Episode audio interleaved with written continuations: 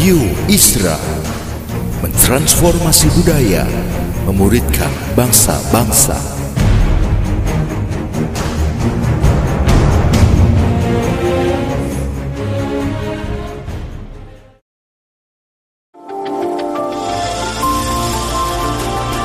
Voice of Pradaim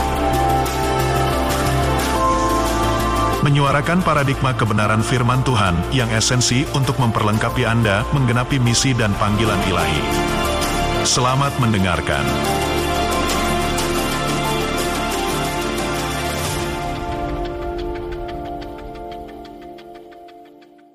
Bapa di sorga, kami bersyukur buat anugerahmu dalam hidup kami. Terima kasih Tuhan buat pengurapanmu bagi setiap kami. Berdoa agar firman Tuhan yang disampaikan sebentar boleh menjadi kekuatan bagi setiap kami dan juga boleh memberikan kepada kami hikmat dalam menghidupi kehidupan kami. Berdoa agar Roh Kudus berkarya nyata dalam hidup setiap orang percaya agar nama Tuhan senantiasa dipermuliakan. Menyerahkan menit-menit ke depan ke dalam pimpinan Roh Kudus sepenuhnya di dalam nama Yesus kami berdoa. Amen. Hari ini saya akan menyampaikan firman Tuhan dengan tema pengurapan Tuhan. Di dalam 1 Samuel 16 ayat 13 dikatakan gini, Samuel mengambil tabung tanduk yang berisi minyak itu dan mengurapi Daud di tengah-tengah saudara-saudaranya. Sejak hari itu dan seterusnya berkuasa roh Tuhan atas Daud, lalu berangkatlah Samuel menuju Rama. Dalam 2 Samuel 22 ayat 51, ia mengaruniakan keselamatan yang besar kepada raja yang diangkatnya dan menunjukkan kasih setia kepada orang yang diurapinya kepada Daud dan anak cucunya untuk selama-lamanya. Dari dua ayat yang kita baca tadi, kita bisa mengerti bahwa ketika Tuhan mengurapi seseorang, Tuhan memberikan Roh Kudus untuk menguasai hidupnya. Dikatakan berkuasalah Roh Tuhan atas Daud. Ketika Tuhan mengurapi kita, Roh Kudus diberikan kepada kita untuk menguasai hidup kita, yang artinya hidup kita dipimpin oleh Roh Allah. Yang kedua, orang yang diurapi Tuhan, Tuhan menunjukkan penyertaan yang luar biasa, kasih setianya diberikan tidak hanya kepada orang yang diurapinya, tapi juga kepada anak cucunya. Ada penyertaan Tuhan yang luar biasa bagi orang-orang yang diurapi Tuhan. Saya berdoa Anda dan saya boleh beroleh pengurapan Tuhan sehingga hidup kita senantiasa dipimpin oleh roh Allah, dikuasai oleh rohnya, dan kita disertai oleh kasih setianya. Mari lihat dalam 1 Samuel 15 ayat yang pertama dikatakan begini, Berkatalah Samuel kepada Saul, Aku telah diutus oleh Tuhan untuk mengurapi engkau menjadi raja atas Israel, umatnya, oleh sebab itu, dengarkanlah bunyi firman Tuhan. 2 Samuel 2 ayat 4 berkata gini, Kemudian datanglah orang-orang Yehuda, lalu mengurapi Daud di sana menjadi raja atas kaum Yehuda. Ketika da kepada Daud diberitahukan bahwa orang-orang Yabes Gilead menguburkan Saul. Dari kedua ayat di atas, pengertian mengurapi artinya memberikan berkat dan kuasa dari Tuhan atas diri seseorang. Dahulu kala pada masa perjanjian lama, pengurapan itu diberikan oleh imam atau nabi yang dipilih Tuhan kepada orang pilihan Tuhan untuk berkuasa atas umatnya. Contohnya yaitu kepada Saul dan Daud yang diurapi sebagai raja atas bangsa Israel. Sehingga cukup jelas bahwa untuk mengurapi artinya memberikan kuasa penyertaan Allah kepada orang tertentu yang akan menggunakan kuasa tersebut untuk memimpin rakyat sesuai dengan ketetapan Allah. Oleh sebab itu, secara Alkitabiah, pengurapan ini berfokus pada pemberian kuasa pada tokoh-tokoh di Alkitab di masa lampau yang mana dahulu Allah sendiri yang memilih orang yang pantas mewakili dia untuk memimpin di dunia. Namun pada masa sekarang ini, mengurapi tidak hanya terbatas pada pimpinan saja, namun semua umat Allah, yaitu orang percaya, juga berhak atas pengurapan, yaitu menerima kuasa melalui pencurahan roh kudus. Yohanes 1 ayat 12 berkata gini, Tetapi semua orang yang menerimanya diberinya kuasa supaya menjadi anak-anak Allah, yaitu mereka yang percaya dalam namanya. orang-orang yang percaya kepada Yesus dikatakan diberinya kuasa. Efesus 1 ayat 19. Dan betapa hebat kuasanya bagi kita yang percaya sesuai dengan kekuatan kuasanya. Dari kedua ayat ini kita dapat melihat bahwa pengurapan Tuhan diberikan atau turun atas orang-orang percaya Berbeda dengan perjanjian lama ketika pengurapan itu hanya diberikan kepada orang-orang pilihan saja. Dalam 2 Korintus 1 ayat 21 sampai 22 dikatakan begini, sebab dia yang telah meneguhkan kami bersama-sama dengan kamu di dalam Kristus adalah Allah yang telah mengurapi ayat 22 memeteraikan tanda miliknya atas kita dan yang memberikan Roh Kudus di dalam hati kita sebagai jaminan dari semua yang telah disediakannya untuk kita. Kalau di masa lampau dalam Perjanjian Lama, para nabi atau imam mengurapi orang-orang yang dipilih oleh Allah dengan memberikan pengurapan, yaitu tanda penyertaan dan kuasa dari Allah untuk memerintah. Tapi di dalam Perjanjian Baru, kita mendapat pengertian bahwa Orang-orang percaya juga diberikan kuasa, yaitu melalui Roh Kudus yang dicurahkan dalam hati kita. Nah, ciri-ciri orang yang diurapi Tuhan atau dipenuhi oleh Roh Kudus adalah yang pertama, taat pada Allah. Senantiasa melakukan kehendak Allah. Dalam Yesaya 11 ayat yang kedua, roh Tuhan akan ada padanya, roh hikmat dan pengertian, roh nasihat dan keperkasaan, roh pengenalan dan takut akan Tuhan. Saat Allah memenuhi diri kita melalui Roh Kudus, maka Dia akan memimpin segala hal yang kita lakukan. Dia akan memberikan pengertian, hikmat, kebijaksanaan, pengenalan, dan takut akan Allah, agar orang percaya selalu memilih segala satu yang benar. Sejak saya menerima Yesus sebagai Tuhan dan Juru Selamat, saya mengalami perubahan hidup saya mengalami uh, di mana Roh Tuhan bisa mengajar kita segala sesuatu dan membuat kita insyaf akan dosa-dosa kita. Ketika kita ingin mengambil keputusan, ada pimpinan suara Roh Kudus di dalam hati kita yang selalu mengingatkan kita akan kebenaran firman Tuhan.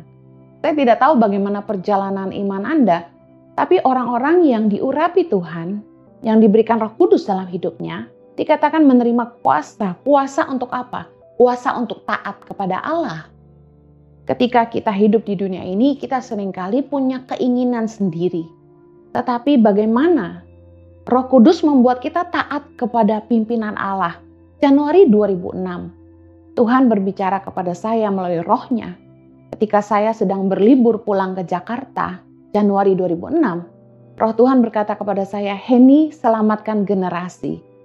Dan saat itu saya dan suami sudah 10 tahun tinggal di Sydney, Australia. Kami sudah selesai kuliah, eh, sempat merintis gereja, kemudian full time di gereja, kemudian kami kerja dan punya usaha. Kami punya kehidupan yang mapan. Tapi entah bagaimana saya memilih untuk taat kepada Tuhan. Ketika kami berdua sama-sama mendapatkan panggilan untuk tinggal di Indonesia. Dan luar biasa, saya mengerti bahwa ketaatan itu bukan lahir atas kehendak saya sendiri, tapi oleh pekerjaan roh Allah di dalam diri saya.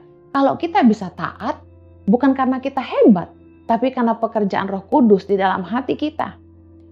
Karena tanpa roh kudus, manusia itu tidak punya kemampuan untuk memiliki hubungan yang intim dengan Allah. Roh Kudus merupakan Allah sendiri yang berperan sebagai penolong dan penasehat dalam hidup kita. Seseorang yang dipenuhi Roh Kudus pasti mau melakukan segala kehendaknya. Di dalam uh, kerinduan saya, saya selalu berkata kepada Tuhan, uh, Lord, I wanna do your will in my life. Saya ingin melakukan apa yang jadi kehendakmu. Bahkan saya selalu berdoa sama Tuhan, Tuhan, uh, pakai saya seperti papet di tanganmu. Anda tahu boneka papet di panggung boneka sebenarnya tidak punya nyawa, tapi digerakkan oleh tangan-tangan yang memegangnya. Dan entah kenapa ada keinginan yang begitu besar untuk selalu mengatakan itu kepada Tuhan. Lord, I want your will to be done in my life. Let me the pup, be the puppet in your hand. Izinkan saya untuk menghidupi kehendakmu dan jadikan saya puppet di tanganmu. Karena saya selalu merasa bahwa apa pun yang saya inginkan pasti salah, tapi kalau Tuhan yang menggerakkannya, saya yakin itu yang terbaik buat saya. Saya percaya kalau orang dipenuhi Roh Kudus, mereka akan takluk kepada kehendak Allah. Mereka tidak takut untuk menjalankan kehendak Allah dalam hidupnya. Ketika saya uh, diminta untuk tinggal di Indonesia dan melayani, jujur waktu itu tidak ada kepastian akan masa depan. Sementara kami punya kehidupan di Australia, tapi entah ada keberanian dari mana. Ketaatan itu membuat saya nekat, membuat saya percaya bahwa kalau Tuhan panggil dia sediakan.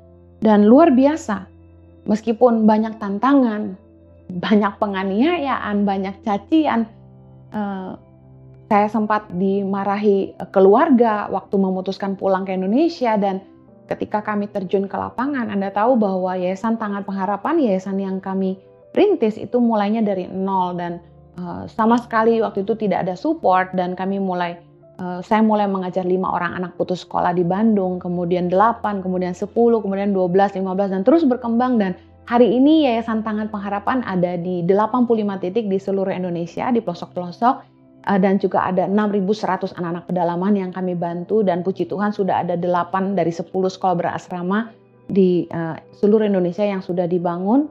Supaya kami bisa melahirkan 1000 pemimpin masa depan Indonesia yang takut akan Tuhan, mencintai rakyat, cerdas dan integritas sesuai dengan visi yang Tuhan berikan bagi kami. Tidak ada jaminan waktu itu. Tapi entah kenapa tidak ada rasa takut sama sekali ada iman yang muncul di hati saya. Dan kalau 16 tahun sudah lewat, saya baru lihat hari ini. Kalau di titik nol kami mau mulai, kami tidak lihat apa-apa. Bahkan suram. Karena pelayanan menolong orang miskin itu pelayanan katanya buang-buang uang. Menolong orang susah sendiri merupakan satu tantangan karena kebanyakan orang miskin tidak merasa miskin dan saya temukan bahwa kebanyakan orang miskin justru lebih sombong dari orang kaya. Menolong mereka tidak mudah dan luar biasa kalau kita tuh punya roh kudus dalam hati kita. Kita ingin selalu melakukan kehendak Allah apa pun bayarannya. Ada ketaatan kepada Allah. Yang kedua, ciri orang yang diurapi atau penuh roh kudus adalah mereka hidup kudus dan menjauhi dosa. Seperti namanya, Roh Kudus memiliki sifat kekudusan. Uh, tidak suka yang kotor, yang najis, yang palsu, yang jahat, uh, tidak suka hal-hal yang tidak benar di mata Allah. Apabila seseorang dipenuhi oleh Roh Kudus, maka pikirannya sudah tidak lagi mengarah kepada hal-hal dunia, melainkan mengikuti apa yang Roh Kudus taruh dalam hatinya. Roma 8 ayat 5 berkata gini, sebab mereka yang hidup menurut daging memikirkan hal-hal yang dari daging. Mereka yang hidup menurut roh memikirkan hal-hal yang dari roh. Kita bisa melihat hidup kita apakah kita hidup dipimpin roh kudus dengan melihat buah-buah hidup kita. Apakah hidup kita penuh dengan hal-hal yang kedagingan, hal-hal yang selalu berbau dunia. Apakah kita menghidupi hidup ini dengan prinsip dunia yang jelas selalu bertolak belakang dengan prinsip kerajaan sorga. Apakah sebaliknya kita selalu mengikuti kehendak roh? Kita hidup sesuai dengan firman Allah dan kita menjauhi apa yang jahat, apa yang najis dan kita selalu hidup dalam kekudusan di hadapan Allah. Saya percaya kalau orang itu hidup dipimpin roh Allah, buah-buahnya akan nyata. Kita bisa lihat apakah hidup kita berbuahkan roh atau berbuahkan daging.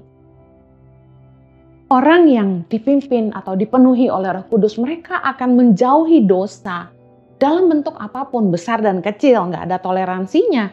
Roma 8 ayat 9 berkata gini, tetapi kamu tidak hidup dalam daging, melainkan dalam roh. Jika memang roh Allah diam di dalam kamu. Jadi kalau memang roh Allah diam di dalam kita, kita diurapi oleh Tuhan, kita tidak akan hidup di dalam daging, melainkan di dalam roh. Tetapi jika orang tidak memiliki roh Kristus, ia bukan milik Kristus. Alasan mengapa roh kudus diturunkan kepada manusia setelah Yesus naik ke sorga adalah untuk menginsyafkan manusia akan dosa. Oleh karena itu saya percaya kalau kita memiliki roh kudus dalam hati kita, kita akan peka kepada hal-hal yang mendukakan Allah. Kita akan peka ketika kita tahu bahwa hal-hal yang uh, ada di hadapan kita yang mungkin ditawarkan kepada kita akan membawa kita kepada jalan yang salah. Anda tahu bahwa memiliki yayasan yang memiliki kebutuhan yang banyak setiap bulan, kami harus menggaji lebih dari 170 guru setiap bulan dan kami harus memberi makan dan pendidikan bagi 6.100 anak, mobile klinik, dan membantu orang miskin di Jakarta dalam program peduli sesama. Yayasan kami butuh uang. Ketika saya didatangi sudah dua kali oleh orang-orang yang menawarkan bantuan dana, mereka menawarkannya dalam jumlah yang sangat besar signifikan. Satu kali pernah ada yang datang menawarkan 12 miliar dan bilang begini kepada saya, Ibu Heni saya akan kasih yayasan Ibu 12 miliar, tapi Ibu tolong transfer 8 miliar kepada saya. Ketika itu Roh Kudus memberi hikmat kepada saya bahwa ini money laundry. Ya, dengan bahasa yang begitu diplomatis ya, uh, hendak mm, mengecoh saya Puji Tuhan saya bersyukur Roh Kudus itu luar biasa. Justru Roh Kudus yang uh, membuat saya peka ketika saya berhadapan dengan orang-orang yang selalu datang dengan kepentingan. Orang-orang yang datang dengan niat yang salah. Roh Kudus dalam hati kita akan membuat kita peka kepada hal-hal yang berbau dosa. Saat itu saya langsung bilang sama orang itu, maaf pak, kami memang butuh uang. Tetapi saya tidak mau terlibat dengan apa yang hendak Bapak lakukan karena saya mengerti ini money laundry. Akhirnya orang itu pergi. Kan bukan cuma sekali, sudah dua tiga kali orang datangi kami dengan tawaran yang sama. Dan saya ingin kita semua sadar bahwa kalau kita hidup menurut pimpinan roh, kita akan menolak perkara-perkara dunia yang tidak berkenan kepada Allah. Tapi kalau kita sering kali menulikan telinga hati kita, kita membutakan mata hati kita untuk mengikuti keinginan daging, maka lama-lama suara Roh Kudus dalam hati kita akan melemah. 1 Timotius 1 ayat 19 berkata gini, beberapa orang telah menolak hati nuraninya yang murni itu, karena itu kandaslah iman mereka. Ketika kita terus-menerus menolak pimpinan suara Roh Kudus dalam hati kita, maka lama-lama pimpinan Roh Kudus itu akan melemah dalam hidup kita. Dan seperti yang kita tahu bahwa Roh Allah bisa undur dari hidup kita seperti yang dialami oleh Saul. Oleh karena itu, saya berdoa agar setiap kita sungguh-sungguh menyerahkan hidup kita kepada pimpinan Roh Kudus. Izinkan Roh Kudus yang menuntun kita. Yohanes 16 ayat 7 sampai 8 namun benar yang kukatakan ini kepadamu adalah lebih berguna bagi kamu jika aku pergi. Sebab jikalau aku tidak pergi, penghibur itu tidak akan datang kepadamu. Tetapi jikalau aku pergi, aku akan mengutus dia kepadamu. Dan kalau ia datang, ia akan menginsyafkan dunia akan dosa, kebenaran, dan penghakiman. Saya percaya roh kudus dalam hidup kita pasti akan menginsyafkan kita akan dosa akan mengingatkan kita uh, kepada hal-hal yang tidak berkenan kepada Allah. Roh Kudus turun dan memenuhi orang percaya supaya hidup kita sungguh-sungguh menjalankan apa yang Yesus sudah ajarkan sehingga pengorbanan Kristus tidak menjadi sia-sia. Mari beri diri kita dipimpin oleh roh. Galatia 5 ayat 16 berkata, Maksudku ialah hiduplah oleh roh, maka kamu tidak akan menuruti keinginan daging. Mari terus taat kepada pimpinan roh kudus dalam hati kita. Amen, hargai pengurapan Tuhan dalam hidup kita. Yang ketiga, ciri orang yang diurapi Allah, yang hidupnya dipenuhi roh kudus adalah hidup berdasarkan firman Allah. Apabila seseorang dipenuhi oleh roh kudus, dia tidak akan memperdebatkan, apa pun yang ada di Alkitab. Uh, saya percaya orang yang diurapi Roh Kudus akan merendahkan diri dan membiarkan Roh Kudus yang memberikan pengertian kepadanya. Di dunia ini sering kali banyak sekali perdebatan, doktrin-doktrin, pengajaran-pengajaran yang berbeda-beda. Tapi seseorang yang memiliki Roh Kudus dalam hatinya akan mempercayai bahwa Alkitab adalah dasar kebenaran dari segala sesuatu, bahwa Alkitab memiliki jawaban dari semua yang dia butuhkan. Karena terkadang pemikiran manusia itu memiliki persepsi yang berbeda-beda mengenai Alkitab dan juga terkadang penafsiran satu dengan yang lain tidak sama, membingungkan. Dan semua doktrin tidak ada yang 100% benar.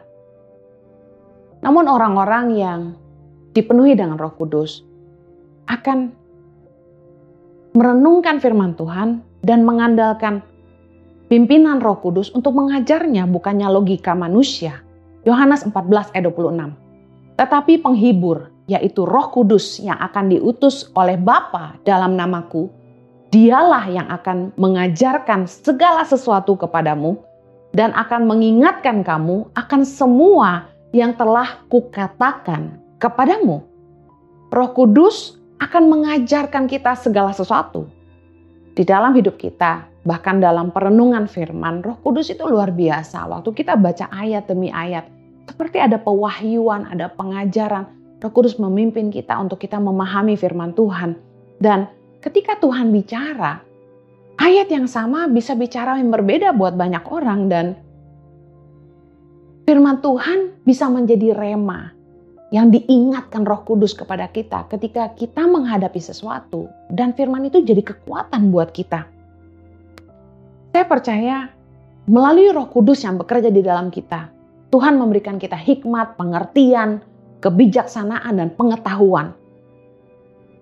Dia menjadi guru bagi kita ketika kita mau belajar firman Tuhan. Saya percaya kalau dengan pemikiran logika manusia kita nggak bisa menyamai kebesaran Allah. Dan roh kudus ada roh kebenaran yang pasti akan selalu menyampaikan segala sesuatu kepada kita berdasarkan kebenaran firman Tuhan. Jadi kalau ada yang bilang, oh saya dapat ini dari Tuhan, saya dapat itu dari Tuhan. Hati-hati karena roh kudus itu selalu bicara berdasarkan kebenaran firman. Nah kalau Anda yakin itu dari Tuhan, pastikan ada kebenarannya menurut firman Tuhan yaitu Alkitab yang kita baca. Tanda orang diurapi Tuhan atau dipenuhi roh kudus yang keempat adalah senantiasa memberitakan Kristus, menjadi saksi Kristus. Kisah Rasul 1 ayat 8 berkata gini, tetapi kamu akan menerima kuasa kalau Roh Kudus turun ke atas kamu dan kamu akan menjadi saksiku di Yerusalem dan di seluruh Yudea dan Samaria dan sampai ke ujung bumi. Orang yang mengalami perjumpaan dengan Kristus pasti rindu untuk memberitakan dia dan karya-karya Tuhan di dalam dirinya. Saya kasih contoh. Kalau Anda menemukan uh, restoran yang enak, Anda pasti akan cerita ke teman-temanmu makanan yang enak itu menjadi buah bibir. Anda ceritakan ke mana-mana. Anda akan bilang, wah waktu itu saya makan di sana enak banget gitu. Sambalnya enak banget. Anda akan cerita. Pengalaman yang baik yang kita alami dengan seseorang ataupun satu tempat akan menjadi buah bibir yang kita ceritakan ke mana-mana. Nah kalau kita sungguh-sungguh mengalami perjumpaan dengan Tuhan, mengalami roh kudus dalam hidup kita dan kita diubahkan dengan perjumpaan itu, saya yakin kita akan memberitakan Kristus ke mana pun kita pergi. 2 Korintus 2 ayat 14 berkata gini, tapi syukur bagi Allah yang dalam Kristus selalu membawa kami di jalan kemenangannya dengan perantaran kami ia menyebarkan keharuman pengenalan akan dia di mana-mana. Kristus akan dimuliakan lewat hidup orang percaya. Bahwa ketika kita mengenal Kristus, mengenal kuasa kebangkitannya, mengerti kasih karunia-Nya dan hidup kita diubahkan oleh karya Roh Kudus dalam hidup kita, kita akan menyebarkan keharuman pengenal akan Kristus lewat hidup kita. Ketika Anda yang tidak setia kepada pasanganmu berubah menjadi setia. Ketika Anda yang judi, ketika Anda yang suka mabuk dan Anda berubah, Anda bertobat sungguh-sungguh. Ketika Anda yang biasanya kasar, suka marah, Anda berubah jadi sabar dan lemah lembut ada perubahan yang nyata dari pengenalan Allah. Dan itu yang mempermuliakan Kristus dalam hidup orang percaya. Dan ketika kita mengalami Tuhan, pertolongan Tuhan dalam hidup kita, saya yakin setiap kita pasti rindu untuk memberitakan dan menceritakan perbuatan Tuhan. Ke mana pun saya pergi, saya senang sekali cerita bagaimana Tuhan mengubah hidup saya dan memakai hidup saya. Dari sampah jadi berharga. Kalau roh kudus mengurapi kita, ada api di dalam hati kita yang rindu untuk senantiasa memberitakan Kristus ke mana-mana. rindu untuk menceritakan kebaikannya, bagaimana Tuhan bekerja dalam hidup kita dan menyelamatkan kita. Bukankah hidup kita diubahkan karena perjumpaan dengan Kristus melalui Roh Kudus? Lukas 4 ayat 18 sampai 19 berkata gini. Roh Tuhan ada padaku oleh sebab ia telah mengurapi aku untuk memberitakan kabar baik kepada orang-orang miskin dan ia telah mengutus aku untuk memberitakan pembebasan kepada orang-orang tawanan dan penglihatan bagi orang-orang buta untuk membebaskan orang-orang yang tertindas untuk memberitakan tahun rahmat Tuhan telah datang. Ketika Tuhan mengurapi kita dengan Roh Kudus, kita akan menjadi pemberita kabar baik, bukan kabar bohong atau kabar burung, bukan kabar buruk.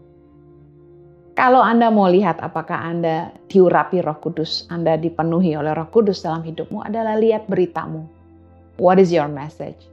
Apakah Anda memberitakan kabar baik atau kabar buruk? Apakah Anda memberitakan kabar baik atau kabar burung? Kita akan memberitakan pembebasan bagi orang-orang yang ditawan oleh pikiran-pikiran yang gelap dan menyesatkan. Saya percaya kalau Tuhan mengurapi, Mungkin yang kita sampaikan itu sederhana, tapi membebaskan orang dari cara berpikir yang salah. Kalau kita diurapi Tuhan, kita akan menolong orang-orang yang buta, yang gak bisa lihat kebenaran. Kita bisa dipakai Tuhan untuk mencelikkan mata mereka, untuk menyadarkan mereka bahwa mereka sudah berjalan di jalan yang salah. Dan kalau kita diurapi Tuhan, kita akan menolong mereka untuk melihat betapa berharganya hidup mereka, betapa Allah mengasihi mereka, dan betapa Allah sangat ingin mereka bertobat sungguh-sungguh dan kembali ke jalan yang benar. Saya percaya kalau kita diurapi Allah, kita akan membebaskan orang-orang yang tertindas, bukannya menindas.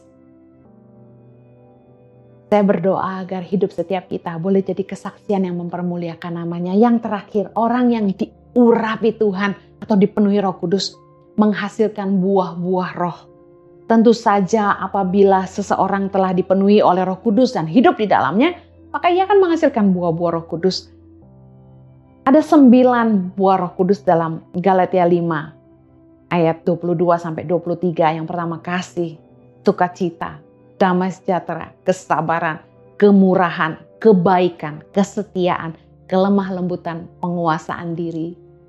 Sebuah pohon dikenal dari buahnya kata firman Tuhan. Mari lihat sama-sama apakah hidup kita berbuahkan kasih, sukacita, damai sejahtera, kesabaran, kemurahan, kebaikan, kesetiaan, kelemah lembutan, penguasaan diri, atau sebaliknya. Kalau kita diurapi oleh Tuhan, kita dimampukan Tuhan. Ada kemampuan dan kasih karunia Tuhan yang memampukan kita untuk melakukan kehendaknya dalam hidup kita.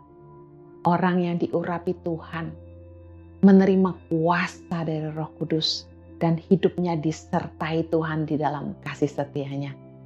Saya berdoa agar setiap kita boleh rindu untuk menerima pengurapan Tuhan. Rindu supaya Roh Kudus dicurahkan dalam hati kita sekali lagi. Supaya kita dimampukan untuk jadi orang-orang percaya yang menerima kuasa untuk menjadi saksinya. Tuhan memberkati. Mari kita berdoa. Bapa di sorga, urapilah umatmu dengan roh kudusmu Tuhan. Curahkanlah rohmu di dalam hati setiap. Supaya kami mengalami Kristus dalam hidup kami.